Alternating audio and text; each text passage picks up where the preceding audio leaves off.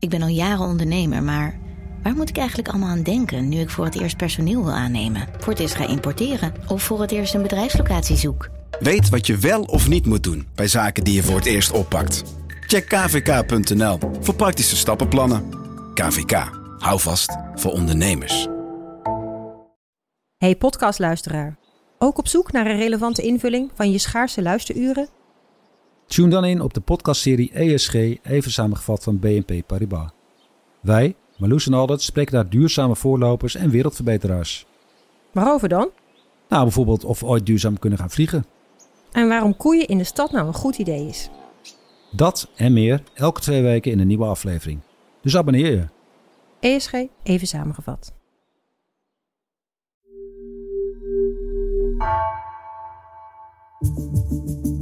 Vanaf de redactie van NRC het verhaal van vandaag.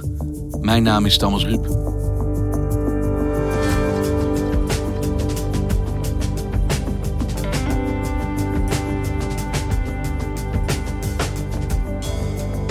Afgelopen zaterdag barstte de bom. Pieter Omtzigt heeft zijn lidmaatschap opgezegd bij het CDA. Al maanden zit het Kamerlid overspannen thuis, maar nooit viel zijn naam vaker dan nu. Politiek verslaggever Philip de Wit-Wijnen volgt Omzicht al jaren. En ziet een politicus die op het Binnenhof zelfs in afwezigheid het debat bepaalt.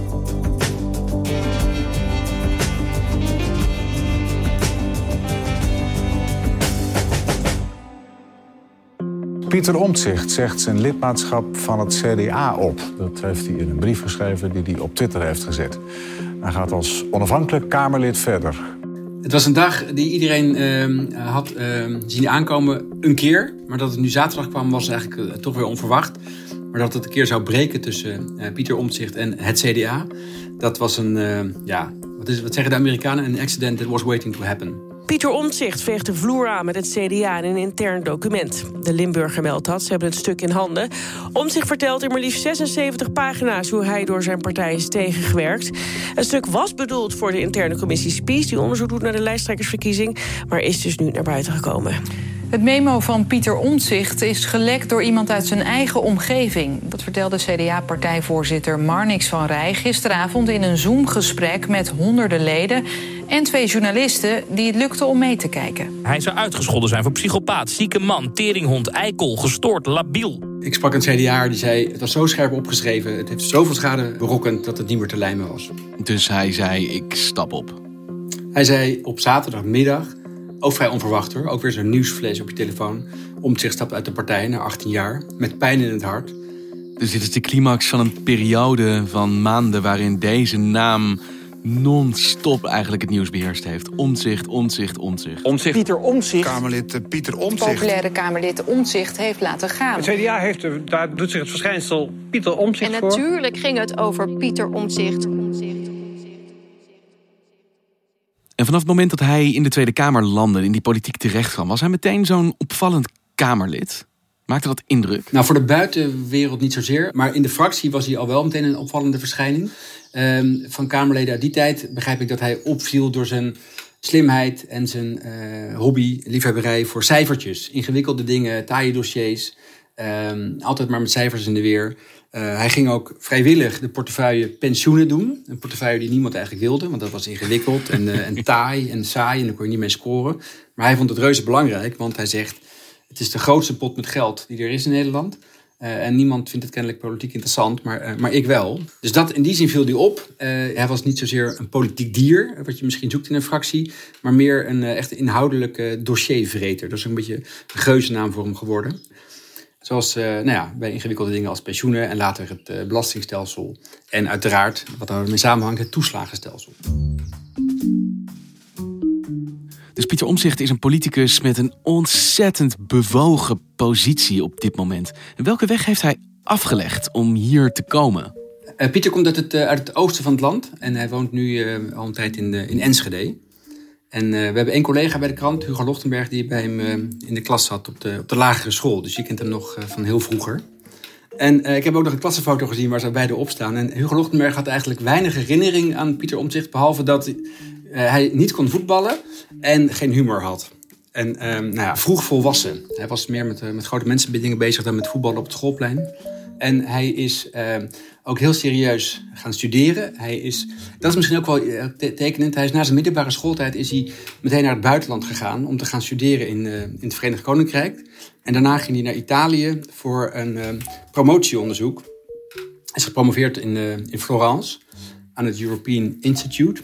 En op een ingewikkeld thema, op de Europese pensioenstelsels.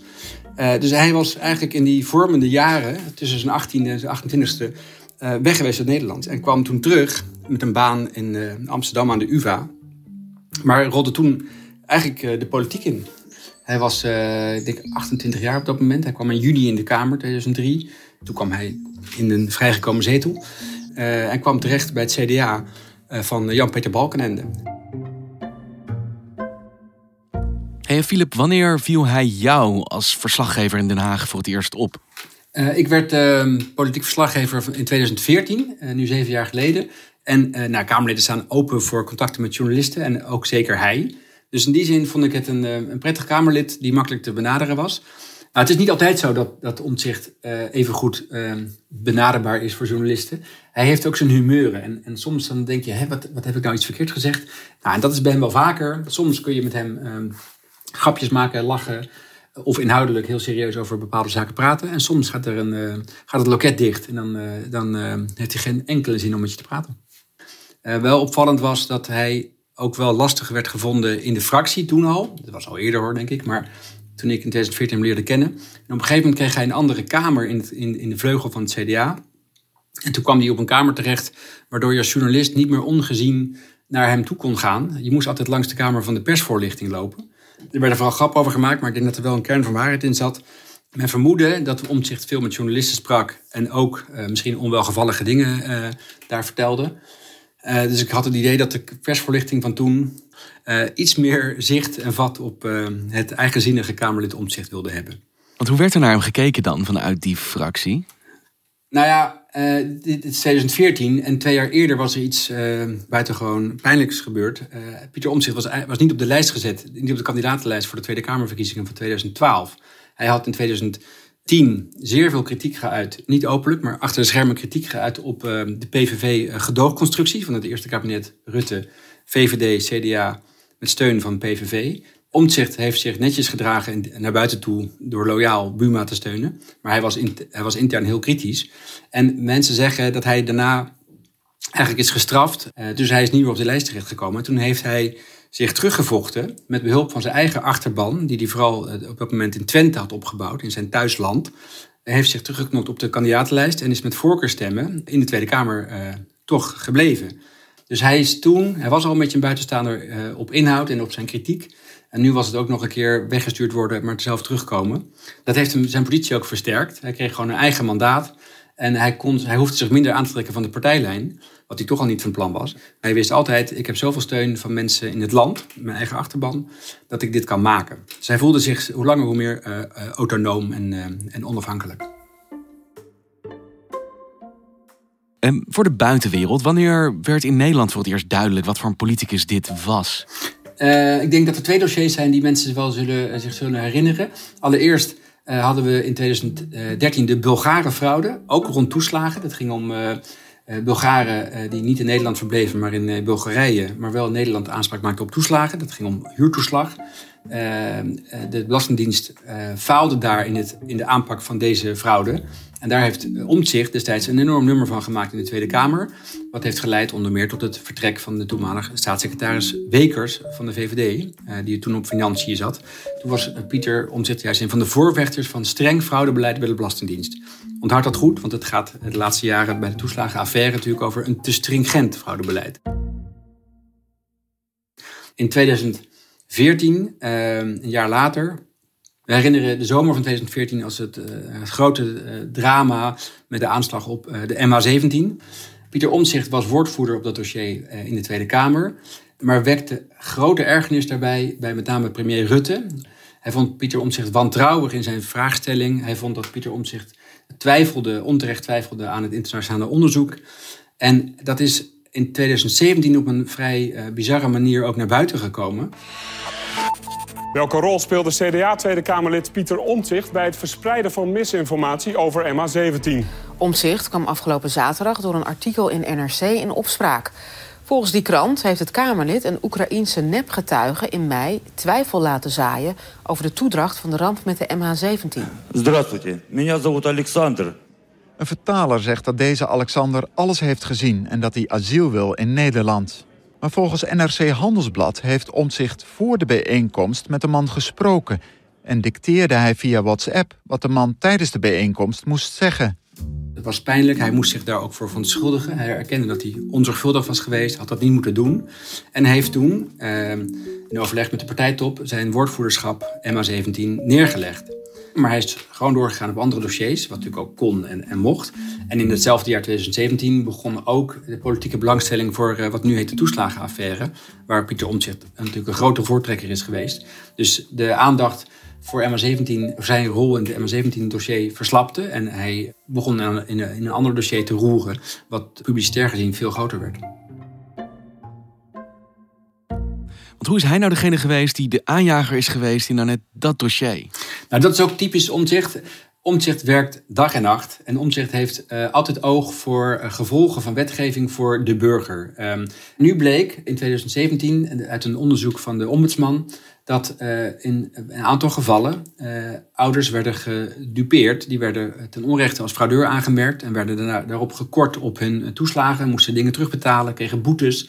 En dat rapport verscheen in de zomer van 2017. Niemand die daarop uh, op aansloeg, maar Pieter Omtzigt wel. Want hij had een, uh, een mailtje gekregen, s'avonds laat, van een advocaat van uh, gedupeerde ouders. En Omtzigt was niet te beroerd om die avond in de pen te klimmen en meteen die advocaat te beantwoorden, maar ook meteen scherpe vragen aan de staatssecretaris te stellen. En ehm, hij werd een paar maanden later werd hij beantwoord door de staatssecretaris. Het waren nietzeggende, afhoudende antwoorden. En dat moet je bij Pieter Omtzigt niet doen. Zeggen dat er niks aan de hand is. Uh, dan wordt hij alleen maar scherper. Ik ben wit heet dat dit soort dingen. We zitten het hele weekend te onderhandelen omdat we zogenaamd het niet weten. Het ministerie wist het al acht maanden. En al die acht maanden zitten die ouders in de ellende, worden het huis uitgezet. En ze weten het, het wordt niet aan de commissies meegedeeld. Wat voor werk ben ik aan het doen, voorzitter? Ik kan wel wat anders gaan doen. En dat heeft hem populair gemaakt, zeker in het land, bij mensen die de overheid ook wantrouwen. Want, maar in de, in de politiek zelf uh, vindt men deze houding van omzicht niet altijd even prettig. Het kan niet zo zijn dat ik hier weer na 2,5 jaar zwoegen op stukken... gewoon een stuk dat boven tafel komt niet kan krijgen. Ik moet verdorie journalist worden om hier een regering te kunnen controleren. Trek ik niet langer. Niet alles is meteen boven tafel te krijgen. Dat kan praktisch zo zijn en er kunnen goede redenen voor zijn. Omtzigt nam daar nooit genoegen mee en begon dan heel snel te roepen: we worden verkeerd geïnformeerd. De staatssecretaris uh, uh, belazert ons. Nou, en dat is een soort wantrouwige houding die niet door iedereen wordt geaccepteerd. Ook niet door zijn collega's in de, in de oppositie. Die vonden dat soms moet je ook af en toe even tot tien tellen en laat de staatssecretaris even goed naar het uh, probleem kijken voordat hij een goed antwoord kan geven. dat geduld heeft Pieter Omtzigt niet. Hij heeft in januari bij het debat over dat rapport over de toeslagen waarbij het uh, kabinet is afgetreden, heeft hij een uh, enorme tirade gehouden in, uh, over, over de regering en wat er allemaal fout was in de, in de rechtsstaat. En hij sprak toen van een bananenmonarchie, de bananenmonarchie Nederland. We kregen gisteravond laat, en u ziet deze kleine oogjes, drie stukken met interne beleidsinstructies die tot 2019 gaan, waarin gewoon staat, hou de stukken achter. Er zijn dus mensen die rechtszaken verloren hebben in dit land... omdat de overheid vertikte om de informatie te geven. Dat is een bananenmonarchie, voorzitter. Nou, dat, dat vonden veel mensen veel te ver gaan, ook in zijn eigen partij. En dat wordt hem dan eh, in zijn eigen partij kwalijk genomen... maar het maakt hem eh, in de buitenwereld eh, misschien juist populairder. En die achterban die hij in die buitenwereld heeft opgebouwd, wie zijn dat nou precies? Ja, die, is, die is vrij breed geworden. Oorspronkelijk uh, is het vooral regionaal. Hij komt uit Twente. Hij is een tukker. En hij kwam ook op voor regionale thema's uit Overijssel. Hij vocht voor de verbreding van een, uh, van een provinciale weg. Of sprak over de problemen van grenswerkers. Een tweede categorie heeft hij via zijn vrouw leren kennen. Hij is met een Turkse vrouw getrouwd, Ayfer Koç. zij is van Syrisch-orthodoxe komaf. En dat is een, een christelijke gemeenschap uit Turkije die uh, daar het heel lastig hebben in dat islamitische land Turkije. Daardoor is haar familie ook naar Nederland gevlucht ooit.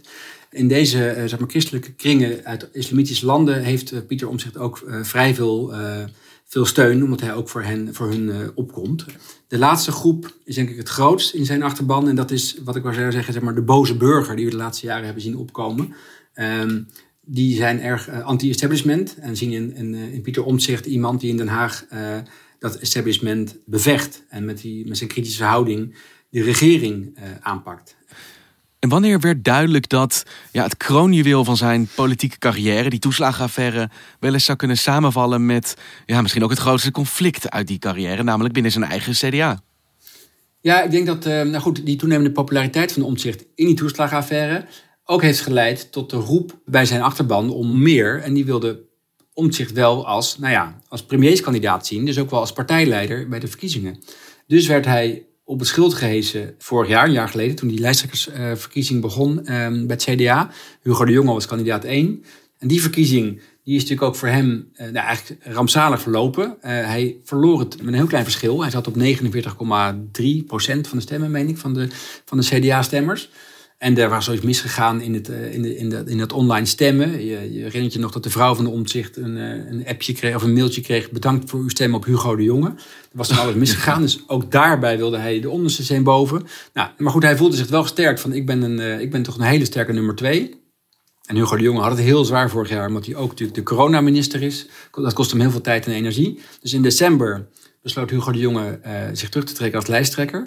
En Gek genoeg is toen niet de nummer twee Pieter Omtzigt gevraagd om hem uh, op te volgen, wat hem zou zijn beloofd uh, achter de schermen, maar uh, Wopke Hoekstra, die niet eens had meegedaan met die lijsttrekkerschapverkiezing. Dat heeft bij hem kwaad bloed gezet. Dus de populariteit leidde tot zijn ambitie om, om partijleider te worden en lijsttrekker. en dat is door de partijtop uiteindelijk gefrustreerd. Uh, want niet hij, maar Hoekstra mocht uh, het stokje van Hugo de Jonge overnemen. Dus zijn woede is daar verder gestold en heeft geleid tot wat we hebben gezien dit voorjaar en, uh, en afgelopen zaterdag. Ja, want dan heb je iemand die mateloos populair is in de buitenwereld, die eigenlijk daardoor misschien geen natuurlijke plek meer weet te vinden binnen de partij die eigenlijk niet goed weten wat ze met hem aan moeten. Precies, dat is, dat is een, een, een, een hele juiste samenvatting van wat, we hier, wat we hier zien. En het is ook voor het CDA ontzettend lastig. Want hoe kun je iemand frustreren in zijn ambitie en eigenlijk eruit werken die zo populair is en in zijn eentje goed was voor bijna vijf zetels. En het CDA had de verkiezingen natuurlijk zwaar verloren. Die gingen terug naar 15 zetels. Een derde daarvan komt op het konto van uh, lid uit, uh, uit Enschede. Dus die kun je niet zomaar uh, negeren. Maar de situatie nu dus eigenlijk is dat er nog steeds non-stop over hem gesproken wordt. Ik bedoel, wij ook nu hier over functie elders, over zijn positie binnen het CDA. Maar hij zit thuis, alleen. Ja, dat is natuurlijk al maanden zo. Hij is niet in Den Haag, hij zit thuis alleen. Hij heeft echt een burn-out en dat is heel vervelend. Hij zit ziek thuis en zal pas na de zomer terugkomen. Maar hoe hij zijn politieke toekomst wil vormgeven, dat, daar moet hij over nadenken. Of hij inderdaad een eigen partij gaat beginnen. Hij heeft dan die ene zetel als zelfstandig Kamerlid. Maar moet dat echt een grotere partij worden? Uh, ja, hij heeft wel de potentie om veel uh, CDA'ers en veel kiezers uh, aan zich te binden. Dus het is niet eens kansloos om een eigen partij te beginnen. Of hij het organisatorisch aan zou kunnen, dat waag ik te betwijfelen. Omdat, nou ja, wat je aan kritiek hoort en, en, en, leest van mensen die hem echt goed kennen en hebben meegemaakt. Hij is niet per se iemand die, die goed weet samen te werken. Dus of hij iets kan opbouwen in die zin, in een politieke organisatie, ik vraag het me af. En dat hij een breuklijn heeft aangebracht is duidelijk. Alleen hoe die precies loopt, daar moeten we nog achter komen. Dat is ja. En ook omdat ik denk dat veel mensen uh, een beetje het kruid uh, droog houden. Die zullen niet nu zeggen, we gaan met omzicht mee. Uh, willen ze eerst zien waar hij straks mee terugkomt en wat hij wil gaan doen. misschien dat ze wel met omzicht mee willen gaan. Maar zolang ze niet weten wat omzicht zelf wil, of hij wel een partij wil beginnen, is het niet zo slim om nu te zeggen, ik ga voor hem. Want dan ben je ook je positie bij, bij het CDA kwijt natuurlijk. Ja, maar dus zelfs als hij er niet fysiek aanwezig is, is hij er eigenlijk wel in de Haag. Ja, en dat is al maanden zo. De geest van de omzicht hangt al maanden boven de tafel, terwijl hij er niet is. Dat is eigenlijk merkwaardig. En dat is na zijn vertrek zaterdag uit het CDA uh, eh, niet minder. Dankjewel, Filip. Graag gedaan. Je luisterde naar vandaag, een podcast van NRC. Eén verhaal, elke dag. Deze aflevering werd gemaakt door Wijken van Kolwijk, Felicia Alberding, Misha Melita en Jan-Paul de Bond. Wil je weten wat het vertrek van Pieter Omtzigt betekent voor het CDA en het verloop van de formatie? Luister dan naar onze politieke podcast Haagse Zaken. Elke zaterdag te vinden in alle grote podcast-apps. Dit was vandaag, morgen weer.